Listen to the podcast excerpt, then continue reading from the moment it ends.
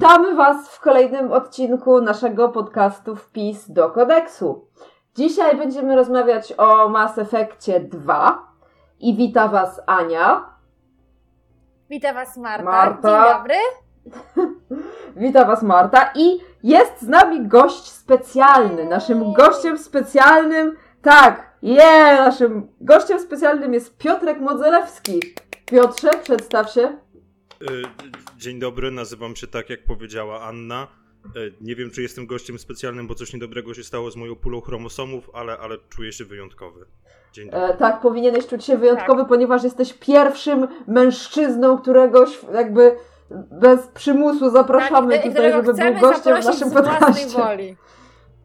Tak. Nie, nie, ale momencik, chwileczkę. Mi, mi grożono wycinaniem fragmentów, tudzież całości moich wypowiedzi, teraz się nagle- się nagle okazuje, że A, to, to, dobrze, to, to dobrze, że sprecyzowałeś, że fragmentów wypowiedzi, bo jakiś- lub całości. dobrze, nikt nie będzie tutaj ciebie akurat w tym odcinku wycinał. Słuchaj, masz, masz immunitet na ten odcinek, okej? No ja nie wiem, no, no, no nie wiem, zobaczymy jak bardzo miły będzie w szczególności dla mnie. Czyli dla osoby, która to edytuje. Dobrze. Marta, Ania, Ania podzieli się z tobą nam tym, tym czekiem, ale to spokojnie. Tak, więc dzisiaj porozmawiamy o Mass Effectie dwójce, czyli o grze, która i zarówno dla mnie, jak i dla Piotrka jest grą bardzo ważną. Nie powiem, że najważniejszą, bo już kiedyś to ustaliliśmy, że tak naprawdę to cała trylogia jest dla nas najważniejszą grą. Prawda, Piotrze? To było pod wpływem alkoholu, ale wyjątkowo tak, zgadzam się. Jak to wyjątkowo. E, Byłeś pierwszą osobą, która to powiedziała na ostatniej imprezie, przynajmniej z tego co Po prostu- pamiętam. Nie, bo zwykle rzeczy, które mówię po alkoholu są głupotami, a to jest po prostu prawda uniwersalna i myślę, że, że to jest ten wyjątek. Dokładnie tak, to jest prawda uniwersalna. Niestety Marta nie grała w Mass Effecta dwójkę, muszę jej to wypomnieć. Tak, E, ja wiem, to niestety, jest mój no. grzech, którego nie spiorę ze swojej duszy, dopóki nie zagram w Mass Effecta dwójkę. Mam nadzieję, że to się niedługo stanie. No nie wiem, no bardzo bym chciała, no nie No ukrywam, ale wiecie, czas i w ogóle. Tak, tak, tak, mhm, mhm. dobra. tak czy siak, Mass Effect 2, troszeczkę faktów na szybko, pojawił się w 2010-11 roku. Mówię slash 11, dlatego że w 11 pojawił się na, e, na PlayStation w Stanach po raz pierwszy. No i właśnie moja przygoda z Mass Effectem 2 zaczęła się w taki sposób, że musiałam sobie na tego Playa trójkę grę kupić, musiałam sobie przejść taki specjalny dodatek, w którym trzeba było e, powtórzyć wybory z jedynki, bo jak pewnie pamiętacie z poprzedniego odcinka, ja w jedynkę grałam na PC, tak? To był ten czas, kiedy jedynki jeszcze nie było na Playaku. E, no i tak, powiem wam tak, skończyłam jedynkę, kupiłam dwójkę po trzech dniach, pamiętam, zadzwoniłam do sklepu, chyba to nawet była Ultima, o ile dobrze pamiętam. Zadzwoniłam do sklepu, powiedziałam, czy macie Mass Effecta dwójkę? Mamy, przyjeżdżam. Pojechałam, kupiłam, E, pamiętam, że to był jakiś. Byłam wtedy na studiach, więc nie miałam za dużo roboty. Więc zasiadłam, zaczęłam grać. I to był koniec. Bo jak już wspominaliśmy w poprzednim odcinku, Mass Effect 2 jest grą o wiele dłuższą, bardziej rozbudowaną i bardziej bogatą w wszelkiego rodzaju zawartość niż Mass Effect 1. To był mój To nie wiem, ja, ja oczekiwałem, że Marta teraz zabierze głos jako ekspert. Oh wait. Dobra. Ja się dowiedziałem przed nagraniem, że ona nie grała w dwójkę i jestem naprawdę zdruzgotany, bo to, to, to jest fundamentalne nieprzygotowanie. Masz minusa. I pamiętaj, że 3 to jest, wiesz... Mój drogi, chciałabym zaznaczyć, że dalej jesteś u nas naszym gościem. I tak jakby Dobrze, Ja tutaj mam słuchajcie, edycji, nie więc- kłóćmy się, nie kłóćmy się, Piotrze. Opowiedz, jak się zaczęła Twoja przygoda z Mass Effectem dwójką. Wiem, że rozmawialiśmy o tym już kiedyś na innym podcaście, ale to był inny podcast, to były inne czasy. Nasi nowi słuchacze z pewnością chętnie się dowiedzą, jak dla Ciebie wyglądała ta przygoda. Ta przygoda wyglądała tak, że złożyłem preorder po tym, jak mogłem go złożyć i to był... To były wspaniałe mroczne czasy, to był rok 2010. Ja byłem na pierwszym roku pierwszego kierunku studiów. To nie ma znaczenia, ale powiedziałem to mimo wszystko, bo jestem głupi. Natomiast zamówiłem, pamiętam to w sklepie gram.pl, który mieścił się w warszawskim O metrze. Boże. O. Tak, były zamierzchłe czasy. czasy. Kto pamięta ten, nie wiem, daje łapkę w górę czy cokolwiek. Czy ja pamiętam? Natomiast zamówiłem. Słucham, Ja pamiętam, aczkolwiek nigdy tam niczego nie kupiłam. ale to i tak dajesz łapkę w górę. Nie. Nawet dwie dała. No to widzimy. No. Cudownie. Cudownie. W każdym razie ja zamówiłem edycję kolekcjonerską, żeby było mało. Aha. Z tego względu, że edycja zwykła, wydawana w Polsce na Xboxa 360 nie miała angielskiej wersji językowej. Jezu, jak dobrze, że ta na Playa trójkę miała. Tak, bo rozmawialiśmy o tym, jak straszny był dubbing w pierwszej części Mass Effecta. I Nie no, Rex, Rex był bardzo gustownym dresem. no dobra, Rex. Kajdan też. Ja w tym momencie Też. dziękuję, że Mass Effecta ma jedynkę i całą trylogię sobie kupiłam po angielsku. To był bardzo dobry wybór, natomiast właśnie ja byłem zmuszony kupić kolekcjonerkę, przy czym to nie było zmuszenie się, bo i tak bym wydał te pieniądze. Ona wtedy kosztowała, nie wiem, to, to się wydaje dziwne, że kolekcjonerki wtedy kosztowały 300, gdzie teraz za premierowe wersje na konsolę się Mhm. płaci 280, no ale... Ale kolekcjonerka trójki też mniej więcej tyle kosztowała, bo ja pamiętam, że też kupiłam kolekcjonerkę, co prawda dopiero trójki, bo dwójkę już kupowałam sporo po premierze, ale też zapłaciłam coś koło 270 zł, pamiętam. To były czasy. No ale wiesz, że to było 7 lat temu. No wiem, ale to były piękne No. czasy. Teraz, kurde, 1000 Były. złotych za kolekcjonerkę, nie? Jak to I już... czasami nie ma w niej Tak. gry. Właśnie. Jak to już kiedyś z Martą właśnie powiedziałyśmy, kiedyś były czasy, teraz nie ma czasów. Ale tak, no i powiedz Piotrze, jak to było? Czy jak odpaliłeś Mass Effecta dwójkę, to zawaliłeś studia, czy... Bo Czy prawie zawaliłeś pierwsze, więc, więc rozumiemy, że coś cię zmusiło do zmiany. Czy to był Mass Effect 2? To nie był Mass Effect, ale jakby przyznam się publicznie, że wtedy doszło do takiego ciekawego jakby, e, do, do takiej koniunkcji, że akurat chwilę wcześniej się przeprowadziłem, mieszkałem sam i, i jakby nie było nade mną żadnego bata, który mi powiedział, hej, powinieneś pójść na uczelnię, więc tak jak włączyłem konsolę e, z, z- Mass Effectem 2 i, i zainstalowałem to, bo wtedy jeszcze była instalacja na dysku taka hardkorowa na, na starych 360 jak zainstalowałem, to pamiętam, że wróciłem z grą do domu, żeby nie skłamać, chyba jakoś koło 12 i wyłączyłem ją, w sensie, w sensie koło południa i wyłączyłem ją o 6, o 6 rano następnego dnia. E, Poszedłem się przespać 6 godzin i potem zrobiłem powtórkę i, i, i tak, tak to wyglądało mniej więcej. Tak, no to podobnie było u mnie właśnie, bo jak już zasiadłam i pamiętam, że zaczęłam grać, to było na szczęście przed weekendem, bo ja jednak starałam się w jakimś tam stopniu być dobrym studentem. Wychodziło mi jak mi wychodziło, aczkolwiek e, pamiętam, że to był właśnie taki moment, że ja sobie myślałam, super, to będzie pewnie, bo wszyscy mówili, że ta, ta, ta dwójka to jest taka najlepsza i w ogóle. No i jest najlepsza, no, no i jest najlepsza. Pokrótce dla tych, którzy nie grali, nie wiem czy są tacy, znaczy Marta, dobra, ale... Macham e, teraz do wszystkich widzów. Ty, się jeszcze cieszysz po prostu. O! O! Kiedyś, no, Dobra. słuchajcie, im bardziej i im dłużej mi mówicie i że mam zagrać w dwójkę i mam skończyć jedynkę, tym mniej chcę to zrobić. Sorry. Dobrze, nie będziemy już Ci o tym Dziękuję. mówić, Marta, już nie będziemy Ci o tym mówić. Ale chciałam powiedzieć, że dla mnie właśnie sam początek Mass Effecta 2 był bardzo zaskakujący, bo na samym początku nasz bohater ginie. Tak, nasz bohater ginie, ponieważ jego statek, jego lub jej statek, e, Normandia, zostaje zaatakowany przez jeszcze wtedy nie wiadomo kogo, ale później okazuje się, że jest to tak zwana banda zbieraczy, e, z naciskiem na B, zbieraczy. Gdyby ktoś miał wątpliwości. I po pierwsze nasza załoga gdzieś się rozlatuje po różnych e, lokalizacjach, oczywiście ci, którzy przeżyli, a nasz bohater zostaje wskrzeszony, odbudowany, bo wskrzeszony to złe słowo, ale odbudowany jakby przywrócony do życia przez taką organizację, która nazywa się Cerberus i która nie ma zbyt dobrej opinii wśród w sumie też ludzi. Mówi się o nich, że to terroryści w ogóle i w ogóle. Oni pod przywództwem człowieka iluzji mają jakiś plan nie wiadomo jaki. No i tak naprawdę przez całą grę my powoli tak, odkrywamy karty, dowiadujemy się o co chodzi. E, przy okazji właśnie tam się ścieramy z naszymi kolegami zbieraczami. E, Ale tak naprawdę, e, co jest, ja myślałam, że to żart, ale okazało się, że to prawda. Większa część tej gry polega, czy tak naprawdę prawie całość polega na tym, że musimy zebrać drużynę.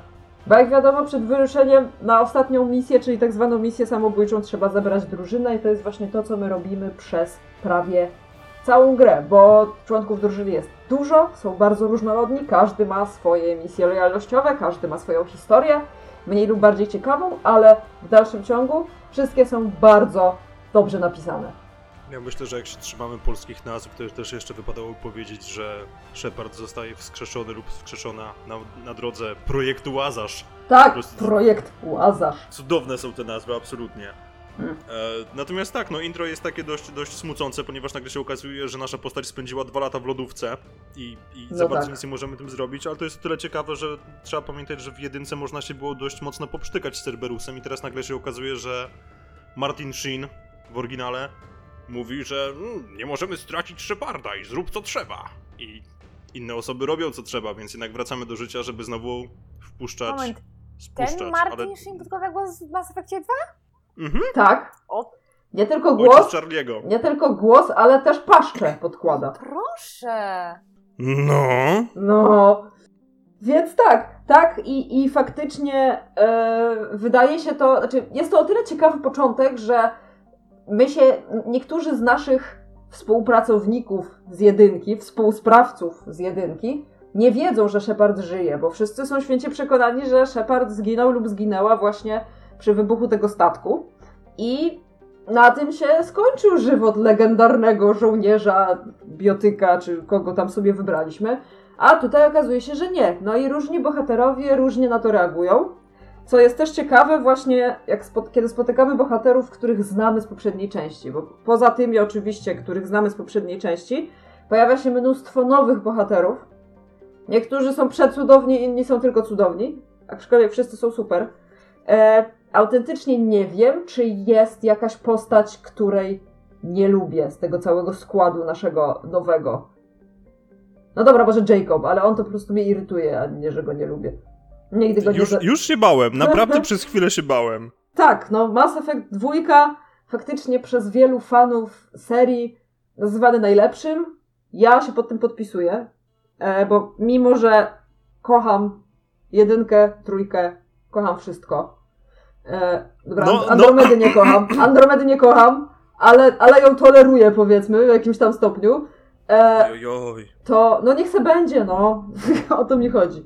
E, to faktycznie ta druga część Mass Effecta, to faktycznie ta druga część Mass Effecta jest najlepsza, jeśli chodzi o historię, jaką opowiada, sposób w jaki to robi, bohaterów, jacy się tam pojawiają, te wszystkie misje poboczne, które musimy robić. A co najważniejsze, Marta, to cię ucieszy, nie ma tam Mako. Jej! Mako do grobu! Mako do grobu! Nienawidzę Mako! O mój Boże. Hmm. O mój, jak dobrze, że ciebie ostatnio nie było po prostu na takich giereczkowych imprezach, bo naprawdę przy takim okrzyku byś, by, byś dyndała za tarasem Jak to ludzie, Jak Boga kto kocham. normalny lubi jeździć Mako? No proszę cię. Ekipa, która robiła Mako do jedynki miała koszulki z napisem Fizyka jest dla słabych, nie jesteś słaby, jesteś silny. I dlatego można było podjeżdżać pod pionowe Jezus ściany. Maria. Jestem w stanie w to uwierzyć, aczkolwiek mój kolejny tatuaż to będzie właśnie tatuaż Mako. I z podpisem y, Never Forget. Jeszcze może, jeszcze może takiej, takiej ramce, takiej, wiesz, takiej jak, jak, jak się na groby daje. Takiej tej, never E, tak. forget. Tak. Powiedz, Piotrek, jak ty się odnosisz do całej historii w ogóle z dwójki? Historii bohaterów, y, designu, tego, co się zmieniło w stosunku do jedynki, co się nie zmieniło. Ja uważam, że było bardzo dużo zmian designerskich, jeżeli chodzi o samą, sam gameplay, które były pozytywne. Przede wszystkim trzeba powiedzieć, że gra zmieniła się z takiego typowego RPG, gdzie mieliśmy po prostu całą masę różnych statystyk. Zmieniła się bardziej w shootera z elementami RPGowymi, e, przez co moim zdaniem przynajmniej stała się o wiele bardziej przystępna dla większej ilości Właśnie, graczy. Natomiast kwestii mam jedno pytanko.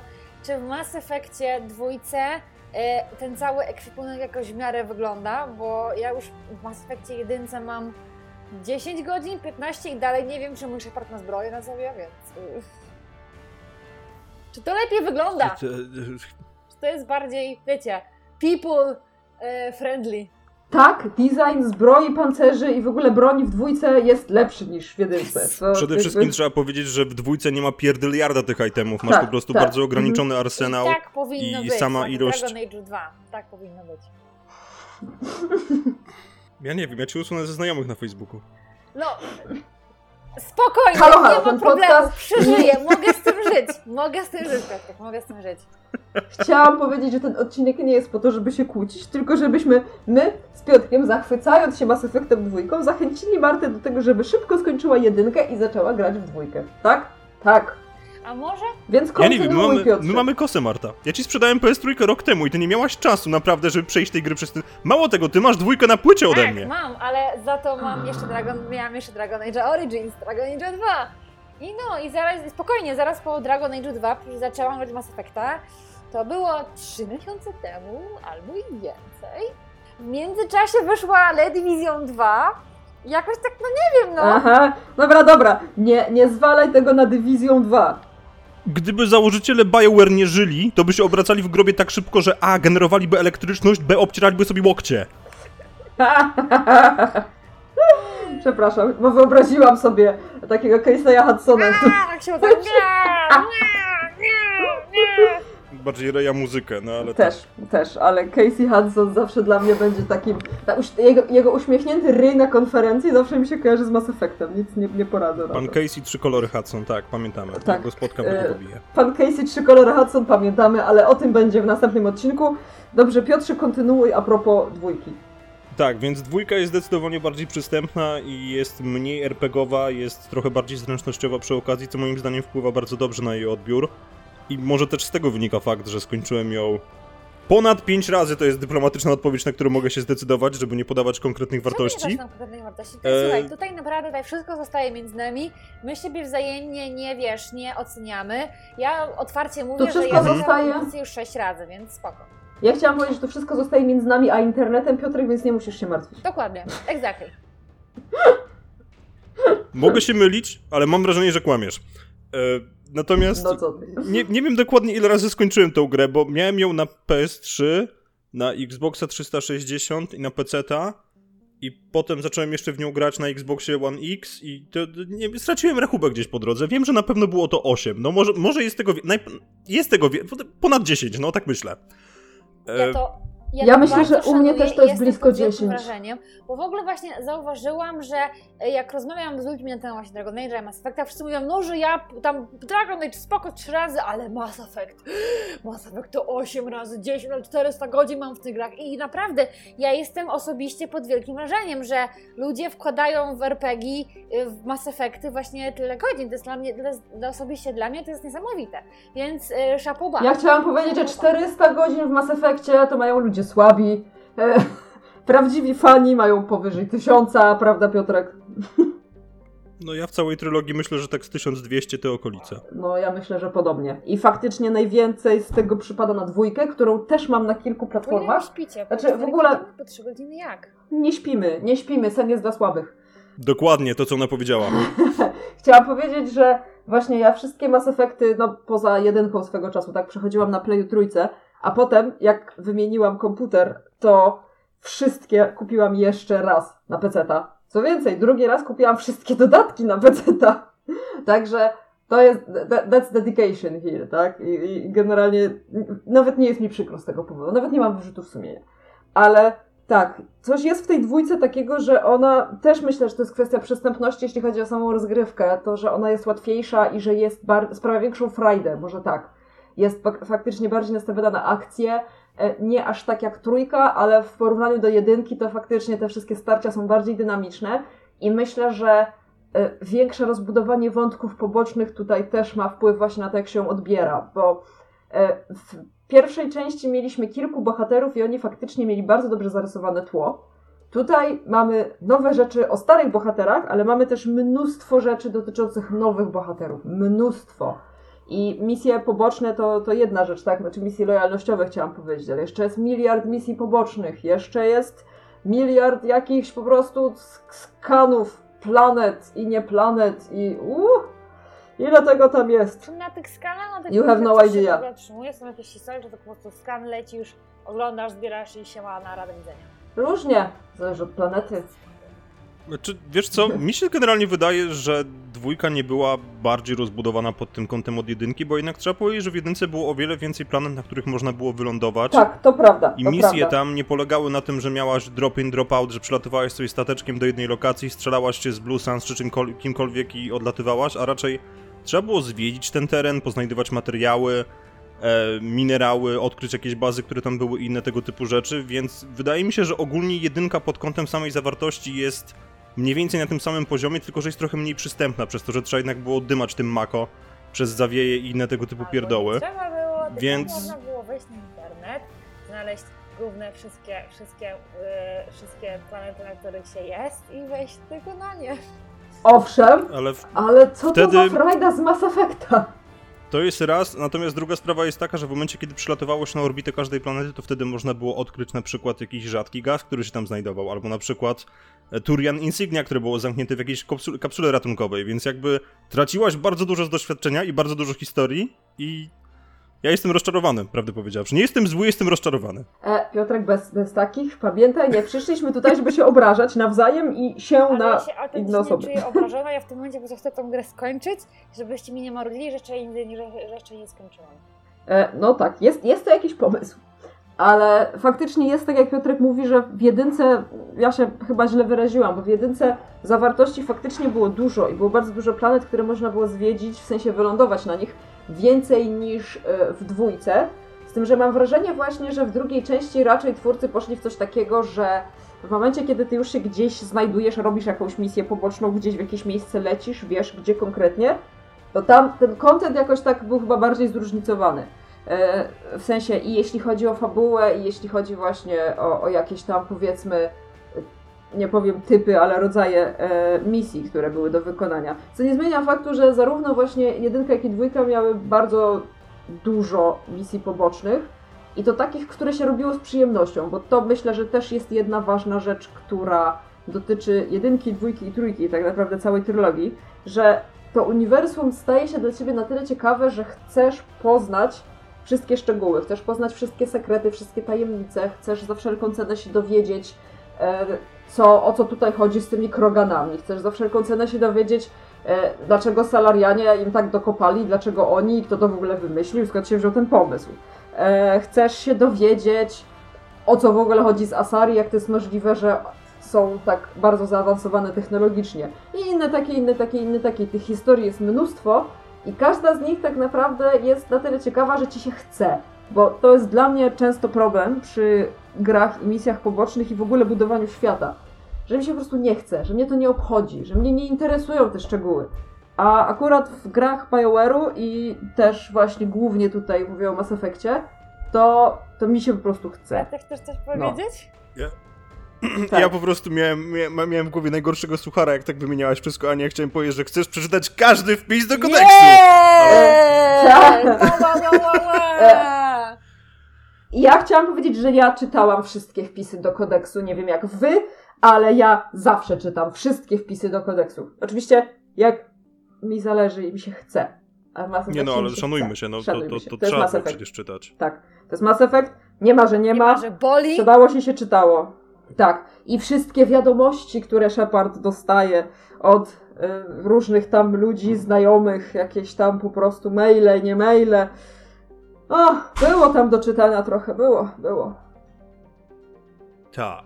Ja jeszcze tylko chciałem się ewentualnie odnieść do tego, co mówiłaś, bo wydaje mi się, że jedynka miała znacznie węższy scope, natomiast w jego obrębie po prostu miała tyle samo aktywności, a dwójka po prostu miała jakby i scope szerszy i miała po prostu więcej rzeczy w nim zawartych. Tylko kwestia jest taka, że jedynka była przez to może troszkę bardziej nagradzająca, ponieważ były misje poboczne i nie wszyscy o tym wiedzą, że są misje lojalnościowe Garusa i Rexa w jedynce. Moment, Tak, ja tak, się to jest- usłyszałam imię Garus, ja się, aktywni... ja, się aktywniłam. I jakie misje poboczne? Co ja mam zrobić, żeby Garusa mieć w dwójeczce?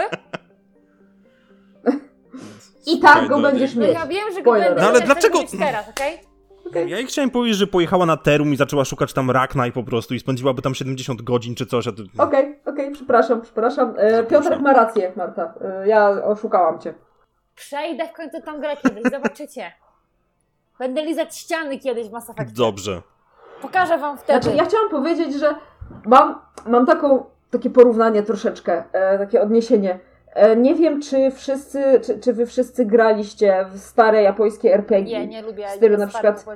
Finala, siódemki, szóstki, ósemki, gdzie e, walki z bossami czasem potrafiły trwać po 4 godziny.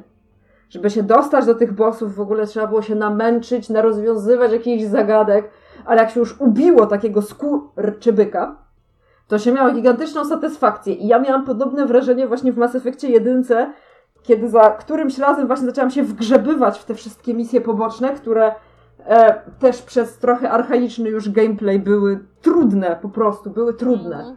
E, Mhm. I to jest właśnie tak, że trzeba się przekopać, e, trzeba się przedrzeć, trzeba tą gdzieś tam walkę odbyć, ale po fakcie, jaka jest satysfakcja, mm, just right.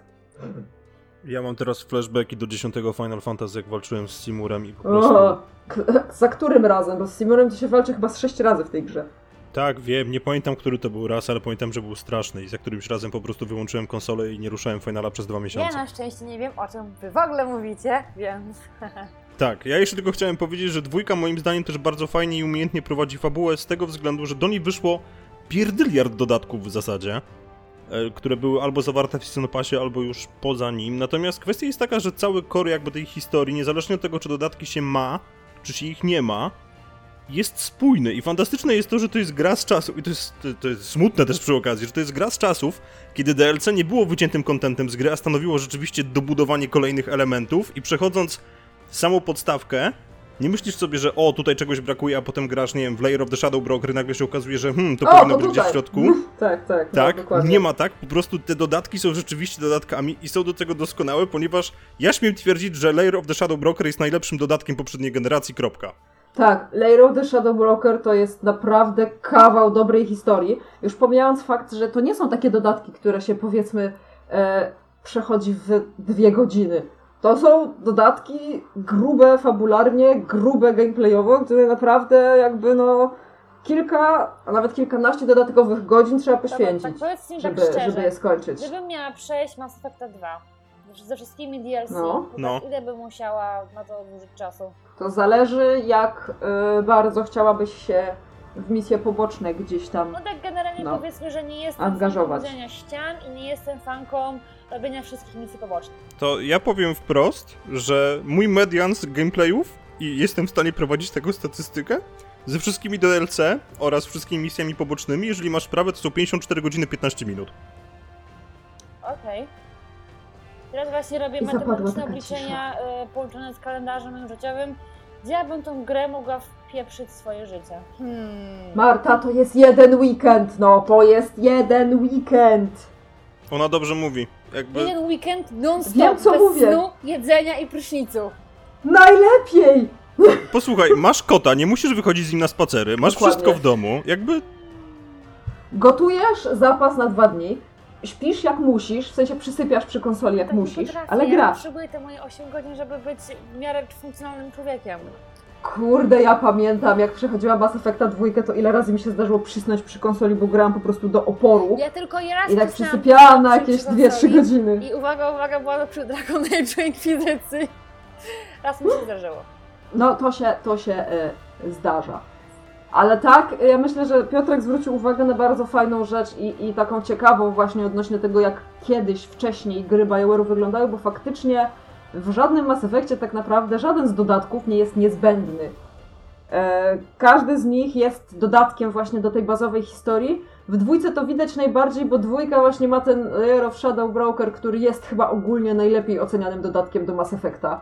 Jak tak patrzyłam na statystyki, to, to jest to ma najwyższą ocenę, tak, ze, ze, ze wszystkich dodatków, To które znaczy, się pojawiły. o, ocena to jest jedno, natomiast ja, ja mówię, w ogóle bym zaryzykował stwierdzenie, że to jest najlepszy dodatek, jaki powstał na poprzedniej generacji, bo on wszystko po prostu podnosi o jeden poziom wyżej i daje ci więcej tego samego, jednocześnie wtrącając fantastyczne heheszki i Tak. puszczając oko do ludzi, którzy grali w jedynkę. Tutaj mówię Tak. o Omniżelu dokładnie, bo tam jest jeden taki tak, tekst, tak. który mi zrobił dzień. tak, to prawda, ale to co, to co ważne właśnie to jest to, że te DLC są fajne w momencie, kiedy ty właśnie myślisz sobie, kurde, no mam tą podstawową wersję, skończyłem podstawową wersję, ale chcę więcej, chcę więcej tego samego, bo to jest super. I to jest właśnie to, co, co daje Layer of Shadow Broker. E, myślę, że podobnym, znaczy dla mnie takim, który przy moim serduszku jest najbliżej dodatkiem, jest jednak chyba Cytadela z trójki, ale trochę z innych względów. O tym, No Cytadela to jest ogromny fanserwis tak, to jest prostu, taki fanserwis, jakby- taki ukłon totalny po prostu w stronę fanów i, i ja kocham ludzi z BioWare'u za to, że wpadli na to, żeby dać nam taki prezent. E, ale faktycznie e, Layer of, of the Shadow Broker to jest samo dobro. To, to trzeba przyznać. No. I No i- Marta, ucieszysz się na wieść, że nie musisz za niego płacić, ponieważ w wersji na PS3 jest dołączony do pakietu. Tak.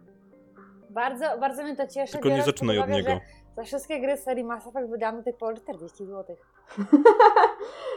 Ja na pierwsze dwie części A nie, to mniej pardon, więcej wydałam podobnie. więcej, bo jedynkę musiałam kupić z PSN Store, tam jest droższa niż używane w pudełku. To tak około 70 załóżmy, 80 za wszystkie trzy. majunce. Jezu Chryste, po prostu... No, No co? Znaczy, ja chcę. Ja chciałam powiedzieć tylko, że mój naj, e, najdroższy, najwięcej warty zakup z Mass Effecta to nie są gry.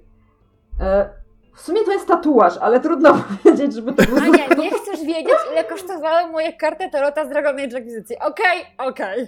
Ale, ale, ale chciałam właśnie powiedzieć, że udało mi się pod koniec zeszłego roku, dzięki pomocy kolegów na Twitterze, już nie pamiętam kto mi o tym napisał, ale ten kto mi o tym napisał zrobił mi dzień, bo okazało się, że na Allegro polskim można dostać archiwalne y, edycje Loot Crate'a, który był w całości poświęcony Mass Effectowi i który był taką paczką rewelacyjnych gadżetów po prostu. Bluza, plecak, notatnik, który wygląda jak datapad, e, pluszowy y, biotyczny Bóg. Jakby no... Plus jakieś komiksy, jakieś bzdety, ale naprawdę po prostu taka gigantyczna paka zajebistości. I mi się wydaje, że tą osobą, która ci o tym wspomniała, był Paweł Pocharski. Pawle. Jeżeli Tak, nawet to nie mógł byłeś ty, to serdecznie ale mógł pozdrawiamy. To być Paweł. Znaczy Pawła my zawsze Tak. pozdrawiamy bardzo serdecznie, Zawsze ale tak, teraz tym bardziej. E, Teraz tym bardziej. I pamiętam, że co, co ciekawsze, jak ja napisałam o tym, że faktycznie mi się udało to kupić, to jeszcze potem trzy kolejne osoby też zdążyły to kupić. Ktoś miał dobry utarg na Allegro. No, dokładnie. Znaczy, w przeliczeniu nie było to wcale tak dużo więcej warte, w sensie, no, no ale tak. E, więc ja generalnie widząc Mass Effecta bezkrytycznie rzucam pieniędzmi, no, no nic nie poradzę, tak? Widząc jakiekolwiek nawiązanie do trylogii, rzucam pieniędzmi. Dalej mi się marzy wielka figurka Garusa, która kosztowała półtora tysiąca złotych. Kiedyś, jak będę bogata i będzie mnie stać, żeby tak, żeby tak wywalić po prostu tą kasę, to ja to kupię. I ja to szanuję. Po prostu. Ja to, ja to kupię, ja to postawię w centralnym miejscu w moim domu, zbuduję ołtarzyk i będę tam składać ofiary ze słodyczy. Tak będzie. Ja to szanuję jako osoba, która kupiła najpierw jedynkę w cenie premierowej na Xboxa 360, potem kupiła dwójkę w kolekcjonerce, potem kupiła trójkę w kolekcjonerce, potem kupiła Mass Effecta 1 na PC w kolekcjonerce, bo była takowa wydana przez CD Projekt, gdzie. Wow, a co tam było w e, tej kolekcjonerce? Ja mogę ją przynieść, jak mi dasz chwilę. Powiedz naszym słuchaczom, co jest w tej kolekcjonerce. Więc uwaga, to jest bardzo ciekawe, bo to było wydane jeszcze zanim y, BioWare wpadło w szpony, jakkolwiek je nazwać, EA. Więc było to wydawane przez CD Projekt u nas i teraz... Skład edycji kolekcjonerskiej na PC to box edycji kolekcjonerskiej. Wow. Uuu, Etui na Digipack. Nie wiem czym jest Digipack. ale masz Ekskluzywny... Tak. Mam też ekskluzywny Digipack na trzy płyty DVD.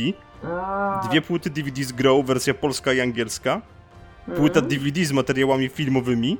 Koszulka N7. Uuu. Artbook. Podoba mi się ta reakcja. Poradnik do gry. Instrukcja użytkownika. Karta pomocy podręcznej z klawiszologią. Jezu, jakie słowa. Podkładka pod mysz. O, Trzy wyjątkowe mam. kartki pocztowe. Pendrive 2 giga oraz Ty to smycz. w ogóle otwierałeś? No, Kiedykolwiek? Używałeś Tak. czegokolwiek z tego? Wszystkiego. nie mów nam do czego używałeś wszystkiego, bo jakby... Tak. Ale to jest, ogóle jest to dziwne, całkiem to- zacna kolekcjonerka, w sensie jak tak mówisz Tak, o tym, co tam jest. One mają strasznie dziwny format, te artbooki na przykład. Bo one są Znaczy, jakieś to takie prawda. ala kalendarz biurkowy. Ja mam tak samo kalendarz właśnie, z, nie kalendarz, przepraszam, tylko artbook z trójki, czy na przykład z Division, czy z Uncharted i one wszystkie są takie kurde kieszonkowe. Gdzie ja będę ze sobą nosić artbook? No na Po przykład co? Artbook do Inquisition to jest, to, to jest taki, to jest taki bardzo, bardzo duża książka w twardej oprawie. Taka naprawdę, taka, taka. Ale to jest, to, to ona nie była dokładana do kolekcjonerki, tylko można było ją kupić Tak, osobno, no. tak? Więc jakby, no właśnie, ja mówię o tych, które wchodzą w skład kolekcjonerek Może najczęściej, no dlatego, niestety żeby trzeba to gdzieś zmieścić w tym pudełku. ciężkie. Też, no bo jednak... Jak dla mnie to jest nieważne. Bo słuchaj, no tyle tych kolekcjonerek wysyłają, żeby wiesz, żeby, żeby się kostamy nie przyczepiły. A co tu takiego, takiego ciężkiego, proszę pana? A czemu to jest takie ciężkie? Może otworzymy, proszę bardzo. A co to za figurka jakiegoś e, kosmity? Proszę pana, to Garus. Mm, Garus, nie znam typa. No, W środku pewnie kokaina, ja wiem jak Na to pe- działa. Na pewno kokaina, be, sama kokaina. Zobaczymy, zobaczymy, co jest w środku. Ups, O urwała Jezu, się. ja bym mu odkręcił głowę potem. O, O, ups, urwała się. E, dobrze, wracając do rzeczy ważnych, czyli Mass Effecta. Dla mnie Mass Effect jest też właśnie dwójka głównie. Jest dla mnie grą szczególną nie tylko dlatego, że właśnie to była taka, e, taka wciągająca historia i w ogóle ładna i itd. itp. i fajni bohaterowie, ble, ble, ble. Ale pamiętam, że dla mnie to było coś takiego, dla mnie to było coś takiego, że ja pierwszy raz grając w jakąkolwiek grę, wzięłam sobie notes i zaczęłam robić notatki. A propos tego właśnie, jak są prowadzone niektóre wątki, bo, bo to było po prostu wzorowe. Tak? Jak je, są budowani bohaterowie, jak są rozwijane właśnie niektóre, powiedzmy, y, jakieś cechy charakterystyczne poszczególnych postaci, gdzie i w jaki sposób to się przejawia, jak ci bohaterowie się zachowują, jak bardzo konsekwentnie są stworzeni. I to był pierwszy raz, kiedy zaczęłam robić notatki, e, grając w gry. Teraz robię to oczywiście częściej, prawie przy każdej grze, e, ale Mass Effect 2 to właśnie była pierwsza gra, która wpłynęła na mnie w taki sposób, że chciało mi się po prostu e, rozłożyć na czynniki pierwsze to, w jaki sposób i dlaczego akurat tak ta fabuła i ci bohaterowie są zbudowani. Ja mogę tylko powiedzieć, że absolutnie to rozumiem, bo te, te, też mogłem robić notatki. Jakby nie wiem po co je robiłem wprawdzie, ale bo, bo wszystko było w kodeksie. Ale generalnie rzecz biorąc, no tak, to, to była gra, którą chciało się w jakimś sensie mieć ze sobą. Ja pamiętam, że jak potem ostatecznie wróciłem do normalnego trybu użytkowania życia i wróciłem też na uczelnię, to zda zdarzało mi się rozkminiać niektóre rzeczy właśnie siedząc na wykładach. Także Tak, ja pamiętam, że właśnie było tak, że o niektórych wątkach myślałam, właśnie o niektórych sytuacjach. E, pamiętam, że mimo tego, że nie przepadam za Jacobem jako za bohaterem, to jego misja lojalnościowa, w której, e, tak, która się tak naprawdę opiera na konflikcie jego z jego ojcem, e, to pamiętam, że na długo mi została w pamięci. W sensie sam, sam jakby postać tego jego ojca i ten sposób, w jaki on się zachowywał i w ogóle, to, y, to faktycznie mi to zapadło w pamięć. Oczywiście było więcej takich sytuacji, tak? Ale to, to jest o tyle ciekawe, że mimo tego, że ta postać mnie irytuje, to jestem w stanie docenić to, w jak dobry sposób jest napisana jego misja lojalnościowa. To nie, to ja jestem bardziej emocjonalny i wszystko, co ma na sobie po prostu labelkę Jacob odrzucam. Jak go spotkałem ponownie w trójce, to po prostu naprawdę byłem rozczarowany, że on przeżył. E, Miałem nadzieję, że znaczy może tak. jednak nie. Ja, ja też byłam trochę rozczarowana, że przeżył. Przede wszystkim zastanawiałam się jak, bo on nigdy jakimś super żołnierzem nie był, no ale dobra, umówmy się, że miał szczęście. Ja nie wiem, to, był, to była postać, która została stworzona na potrzeby tutoriala, żeby pokazać ci, jak się obsługuje Tak. biotykę i potem powinna być wykrojona, ale ktoś o niej zapomniał, no i tak zostało. No to jest tak samo jak Michael Cera w filmach. Przyszedł na casting, no dobra, niech będzie. Ja sobie myślę, że e, Jacob to generalnie właśnie tak e, powinien się pojawić w tutorialu, po czym nawet nie to, że zginąć, ale powinien, nie wiem, zostać zamknięty w więzieniu za bycie Jacobem, nie wiem. Mógłby przez przypadek zostać na tej stacji z początku gry po prostu. Tak. Przez... O nie, Jacob, drzwi się zamknęły, nie możemy już ich otworzyć. O, jak no przykro. tak, ale e, chciałam też wspomnieć o czymś, e, o czymś jeszcze, właśnie a propos bohaterów, bo dwójka wprowadza bohatera, który jest do tej pory chyba jednym z moich naj, naj, najulubieńszych bohaterów, nie tylko w Mass Effectie, ale w grach w ogóle. I jest to Mordin. Mordin to jest postać, przynajmniej dla mnie, która jest śmieszna, Mordin jest naukowcem takiej, y, przedstawicielem takiej rasy, która nazywa się Salarianie i wyglądają trochę jak takie przerośnięte jaszczurki. Jeśli ktoś jeszcze jest na tej planecie, kto nie widział jak wygląda Salarianin, to właśnie tak wygląda. E, Mordin jest naukowcem i, i doktorem, lekarzem, ale poza tym jest też e, strasznym badasem i generalnie nie, e, nie zawaha się, żeby gdzieś tam jakąś e, tą, no, jakąś tam, jakieś niedobre rzeczy poczynić. E, Wpakować komuś kulkę, chciałaś powiedzieć, Tak, prosto tak. między oczy. Chciałam, chciałam to ładnie ująć, ale tak. A przy tym jest postacią, która naprawdę bardzo się nawet nie rozwija, bo to nie jest kwestia rozwoju, tylko tego, że odkrywa przed nami trochę inne karty z czasem. Zwłaszcza w trójce, ale już w dwójce też. E, I ja, ja go strasznie polubiłam. E, strasznie mnie bawił sam sposób, w jaki on mówi, ale też sposób, o czym mówi, jak mówi. Jego dyskusja z Shepardówną, tak, no bo tylko Shepardówna może mieć romans z Garusem, E, dlaczego on uważa, że niewskazane są stosunki seksualne między ludźmi i Turianami, to jest jedna, jedna z najlepszych rozmów w ogóle w tej grze. Moim zdaniem. Doctor-patient confidentiality. Tak, tak, dokładnie tak.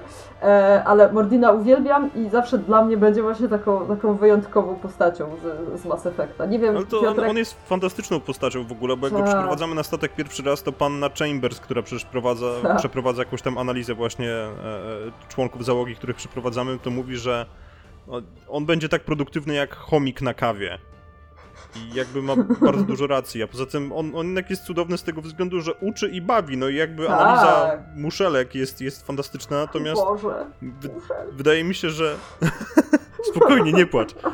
Wydaje mi się, że jednak takim momentem, który mi, jeżeli o niego chodzi, jeżeli chodzi o dwójkę, zapadł najbardziej w pamięć, no to jednak jest I am the very model of a scientist Salarian. Tak, e, w momencie, kiedy I've śpiewa studied piosenkę. species Tyrian, Asarian, Batarian. Dokładnie tak, bo Mordin śpiewa piosenkę w drugiej części. Jest to doskonała piosenka. E, Dlatego, Marta, warto jest się przekopywać przez dialogi w Mass Effectie 2, Tak, szczególnie oj, z tak. Mordinem. tak, Zapamiętam. Mordin Nie pomijać. Mordin jest najlepszy. Tak, ale, ale właśnie, nie wiem Piotrek, bo tam pojawia się bardzo dużo innych postaci. Nie wiem, która postać na tobie zrobiła jakieś takie super wrażenie, właśnie jeśli, znaczy super wrażenie, która tobie jakoś najbardziej przypadła do gustu z tych nowych postaci, które się pojawiają w drugiej części. To jest bardzo trudne pytanie. Bo Wiem. jakby. Bo oni wszyscy są zajebiści, no poza Jacobem. No tak i nie, ale są postaci, które są trochę bardziej irytujące, inne trochę mniej, ponieważ na przykład strasznie wpienia mnie na jakimś etapie to, jak bardzo przerysowana jest zarówno Miranda, e, jak i Subject Zero, Jack. No tak, ale bo one są sobie przeciwstawiane tak naprawdę. Nie Tak, wiem, ale to jest, to jest w komiksowy sposób, jak bardzo tak, fajną, prze, jest, jest bardzo fajną takie bardzo... Tak, jest to takie bardzo... Bardzo fajną przeciwwagą dla nich jest też przy okazji Joker, który po prostu jak one zaczynają się ścierać na jakimś etapie, to wysyła Sheparda, żeby je uspokoił i mówi Tak. take pictures, co jest tekstem, który mi wszedł z kolei do słownika i go wyrzucam w dziwnych sytuacjach i potem się robią dziwne rzeczy. Nieważne. Mass Effect ma wpływ na, na życie. Tak. E, a ja chciałam powiedzieć, że Joker ma cudowną rolę w Mass Effectie dwójce. E, I w ogóle jest taki... jest taki moment, w którym możemy zagrać Jokerem. I to jest... Znaczy, Joker, mój pierwszy game crush, e, uwielbiam go po prostu na, nad życie, ale tak, scena, w której gra się Jokerem, e, jest doskonała. Jakby, jeżeli ktoś jeszcze jej nie widział, to ja nie chcę o niej mówić, żeby jej nie zepsuć, bo, bo to jest doskonałe, ale, ale tak, dwójka, mimo tego, że właśnie w całym swoim wydźwięku jest bardzo poważna, no bo przecież pojawiają się zbieracze, którzy faktycznie gdzieś tam porywają całe planety, sensie jakby istoty żywe z całych planet, albo osad, ale z drugiej strony jest tam jednak miejsce na bardzo dużo takiego fajnego, zabawnego humoru. I myślę, że to jest też mocna strona Mass Effecta, nie tylko dwójki, ale w ogóle całej trylogii, że ten humor jest po prostu fajny. Co, czego się niestety nie udało zrobić w Andromedzie, no. W Andromedzie się w ogóle niewiele rzeczy udało zrobić, umówmy się. Oj, no dobra, niektóre rzeczy się udało, już nie bądźmy tacy. Wymień dwie. E, wiesz co? Gameplay jest bardzo dobry. W sensie, same walki. No to jeszcze jedna. Nie, Same nie, nie walki musisz się rozwodzić. E, tła są świetne. Tła są piękne w tej grze. Pierwszych kilku godzin, które grałem, które były za darmo na PlayStation Store, to Mass Effect Andromeda jest bardzo ładny. Nie. Znaczy, tła ma ładne, tak. No Okej, właśnie, postawiłaś... tła ma Posta- ja- jak, jak, jako równoznaczny argument postawiłaś tła i gameplay. To tak, kupię tą grę dla tła. Ej, nie, powiedziałeś, że mam wymienić dwie rzeczy. Wymieniłam dwie To rzeczy. wymieniła. Wymieniłam, no. E, nie wiem, czy jest więcej. Może jest. No, nie skończyłam tej gry i nawet nie jestem jakoś smutna z tego powodu, bo no, Ja to zrobiłem dwa razy. Co, co? Czemu? Z miłości Miałem do nadzieję, że może za drugim razem będzie lepszy odbiór. Że może za drugim razem się okaże, że ta gra jest jednak spoko. tak. Jest 220 godzin mojego życia, których nigdy nie odzyskam. No, Ile? współczuję. Ile godzin? 220? Czy ty masz życie? Tak? Czy ty pracujesz? Tak! Marta, można pracować i grać. I nie robić nic innego. to się da. W Warszawie jest inny upływ czasu. To jest zależne od Dokładnie grawitacji, ale spokojnie, nie przejmuj się. Tak, dokładnie tak. Ta, my tu dajemy radę jakoś świetnie. Ja słucham o tych ilościach i tych godzinach i mam taki... O jego mać. Ja w Dragon Age Inquisicji mam, nie wiem, może ponad lekko 200 godzin. Ja przynajmniej już za- zaczęłam ją 6 razy. Tak, Ja mam y, 3000 w Destiny, jakby z czym do ludzi. Właśnie, pamiętam jak mi o tym mówiłeś. Nie, to ja nie mam tyle w żadnej grze. I, ale dobra, wróćmy do tematu Wow. właściwego, czyli Mass Effecta, tak? Mass Effect 2. Piotrek, miałeś powiedzieć, e, jaka postać ci tak pozytywnie zapadła w pamięć, jeśli chodzi o Mass Effecta 2 i nowych bohaterów, którzy się pojawili? Bardzo polubiłem Granta, ponieważ był Tak. bezpośredni i był, był jedyną postacią, która byłaby w stanie przebić się przez żelbetonową ścianę z miejsca, Mhm. co ogromnie szanuję. I polubiłem też, ale to jest kompletnie drugi koniec skali, jakby jeżeli chodzi o charakter i oraz, oraz same zachowanie na polu bitwy, ale też bardzo polubiłem naszego zaprzyjaźnionego Drela. Dane. Dokładnie. Tak. Dane. Właśnie, w zasadzie nie wiem dlaczego nie powiedziałem jego imienia, no bo tylko ty mogłaś to zgadnąć, a Marta jakby nie, bo jeszcze nie grała. Em, ale tak, tak. Thane był bardzo fajny i też przy okazji bardzo spoko była Był. jego misja lojalnościowa. Tak, znaczy Tate w ogóle jako postać i cały wątek jego i w ogóle Dreli jest bardzo ciekawy, bo uwaga, uwaga, Drele to taka rasa, która straciła swoją planetę i w wyniku tego jest zmuszona mieszkać, żyć, egzystować na planecie Hanarów.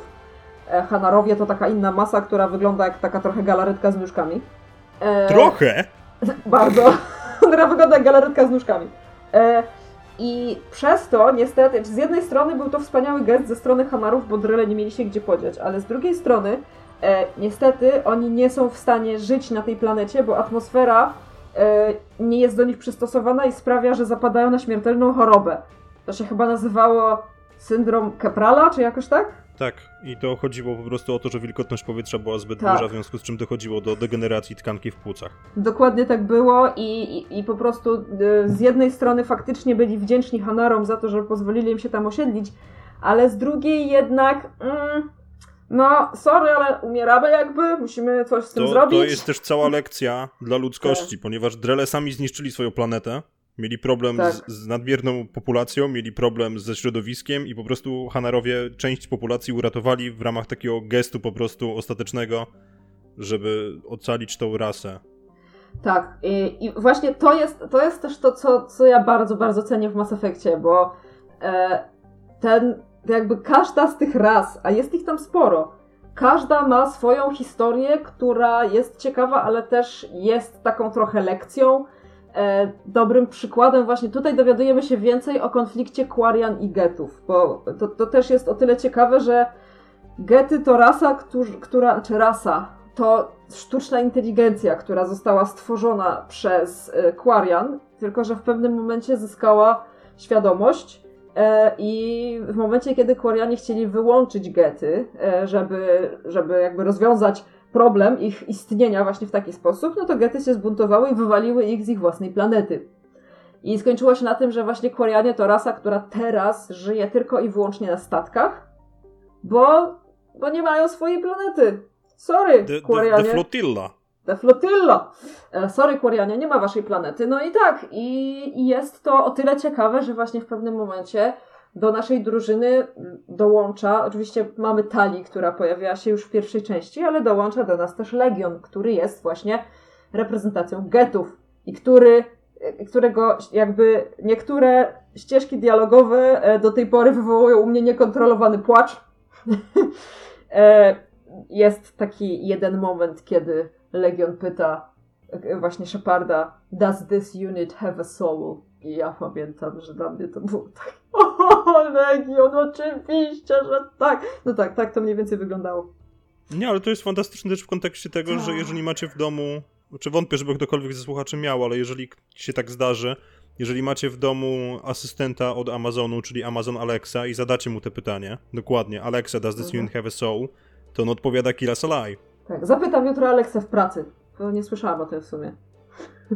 Tak, był, był taki wspaniały easter egg właśnie wpleciony, więc No. jakby to, to jest warte. Ale tak, ale generalnie rzecz biorąc, to jest też fajne pod kątem tego, jeżeli weźmiemy Legiona na misję, która dzieje Tak. się na, na, na statkach Quarian, jak bardzo dużym bólem czterech liter oni reagują na jego obecność, bo oto wróg u bram, a zostaje mimo wszystko wpuszczony. Oto wróg u bram, ale z drugiej strony wiedzą, że on może pomóc rozwiązać jakiś tam konflikt, więc hmm, może jednak warto go zaakceptować. No, jest tutaj dużo takich właśnie wątków gdzie ta szara strefa moralności się pojawia i ta właśnie szara strefa a propos tego, na ile się jesteśmy w stanie zgodzić, żeby coś osiągnąć, na ile jesteśmy w stanie przeskoczyć jakieś właśnie własne uprzedzenia.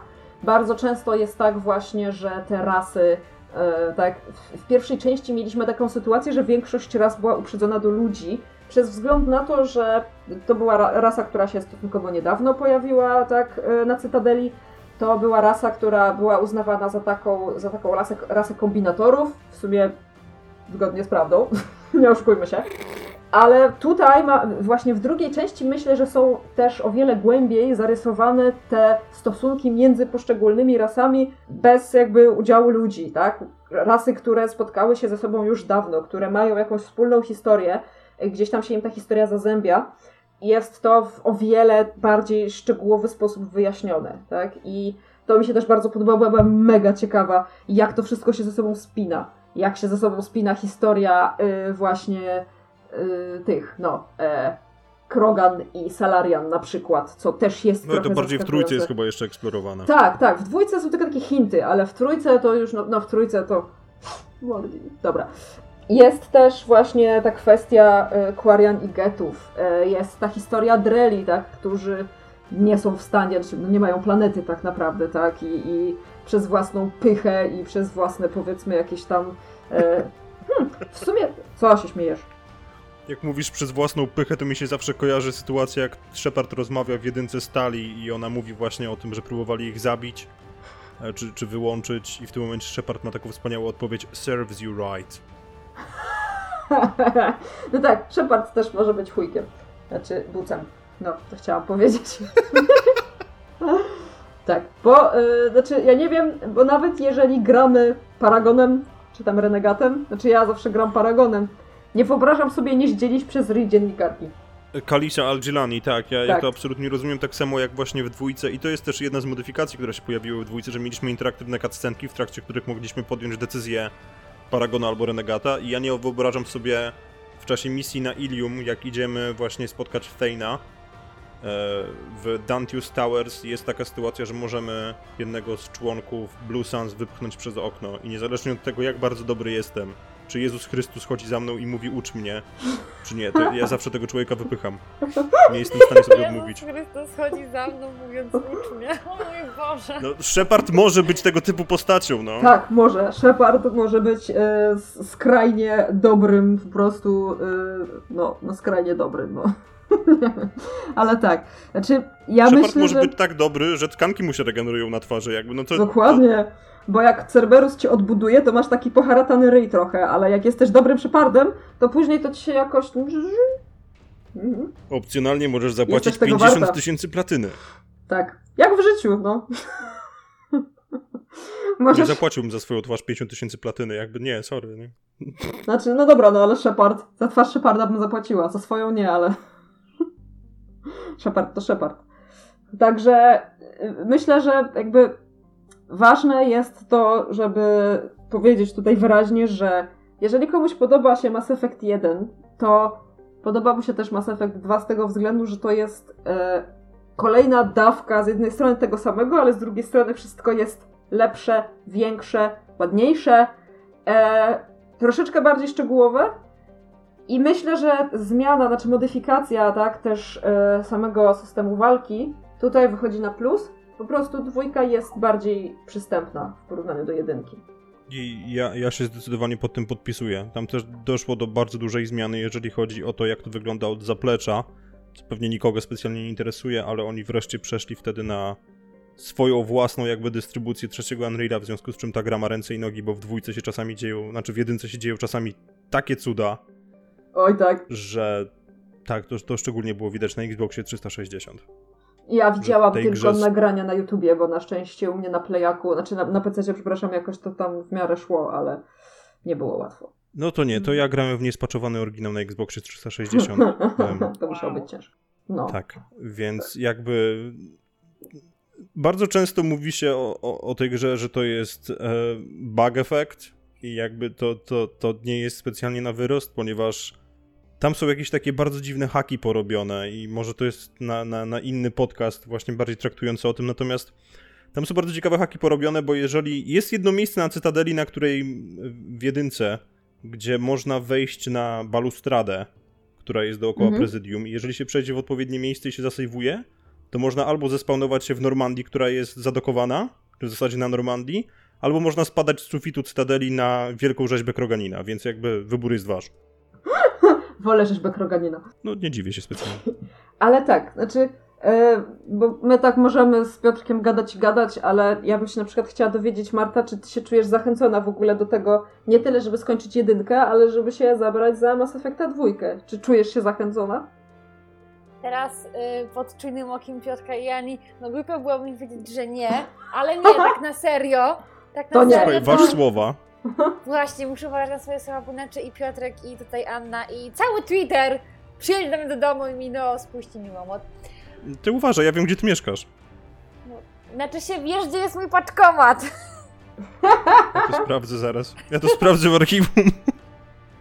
Wiesz, gdzie jest mój paczkomat. Ale tak, znaczy się, no tak jak już mówiłam, generalnie moim głównym problemem z Mass Effect 1 jest fakt, że Mass Effect 1 nie zestarzał się dobrze. Niestety. O Jezu, ale jaka ty jesteś hojna w słowach w ogóle. To jest, to jest bardzo ładnie powiedziane. tragicznie. No, Dziękuję. nie tragicznie, bo, tą grę, bo w tą grę jeszcze da się grać. E, no ale gameplay jest taki. Niech. E, o ekwipunku też w ogóle nie mówię, oddaję, to jest a tragedy of all tragedies. Ale słysząc o tych wszystkich usprawnieniach i o tym, że, tym, że jednak, że dwójka ma ręce, nogi, że to jednak jakoś wygląda, jakoś się gra i że to nie ma mako, to mam takie, hmm, może bym tak tą jedynkę sobie odłożyła, po prostu zagrała w dwójkę. Ha. Nie no, żartuję, żarty żartami, na pewno, na pewno jedynkę skończę, bo już widzę tutaj minę Piotrka, który ma po prostu, yy, który ma po prostu złość w oczach, który zaraz do mnie przyjedzie i po prostu zakuje mnie do konsoli, i każe mi grać. I będzie stał nad tobą i patrzył, czy faktycznie grasz. Tak. No. E, no tak, bo to- no to, to myślę, że dobrze jakby przedstawiliśmy też to, co nam się najbardziej właśnie w tym drugim Mass Effectie podoba, bo kwestia, na pewno będziemy z czasem w kolejnych odcinkach przyglądać się e, poszczególnym wątkom, poszczególnym bohaterom i poszczególnym nawet rasom, historiom, czy, czy właśnie jakimś tam e, nawet e, misjom. Ale tak właśnie na początek chciałabym powiedzieć, że dla mnie Mass Effect i dla wielu fanów Mass Effecta dwójka jest tą najlepszą częścią, tą ulubioną nie bez przyczyny. Ona jest taka, taka że chwyta za serduszko po prostu, no. Chwyta za serduszko. Piotrek, chwyciło cię za serduszko? A żeby to raz. No właśnie. I to chwyta za serduszko nie raz. Ja I pamiętam, że jak skończyłem, jak skończyłem dwójkę, to to był jakiś bardzo głęboki styczeń, luty. Więc był śnieg i pamiętam, że to była jedna z najzimniejszych zim mojego życia, bo wtedy regularnie było minus 20 i pamiętam, że wyszedłem wtedy na balkon, zapaliłem papierosa, patrzyłem się w niebo i pomyślałem, Shepard. Tak, I pomyślałem, Shepard. Tak, ja, tak. ja miałam to samo, jak skończyłam trójkę, bo uświadomiłam sobie właśnie, że to już jest koniec y, trylogii i że to jest koniec historii Sheparda. I też wyszłam, też wyszłam z papierosem na balkon, a wtedy się musiałam naszukać tego papierosa strasznie, bo mój były facet gdzieś chował przede mną papierosy. Myślał, że ja nie wiem, że on pali. Pozdrawiamy Łukasza. Jakby faktycznie musiałam To nie brzmiało jak pozdrowienie, ale okej. Jeszcze może, jeszcze może Ania podaj nazwisko i adres. Do tego Znaczy nie, ja, ja chciałam powiedzieć, że właśnie, bo, bo już mówiłam o tym w poprzednim odcinku, ale e, Łukasz właśnie zaczął grać w Mass Effecta trochę pod moim wpływem, bo widział po prostu, że siedzę non-stop, gram w coś i był ciekawy, co to jest.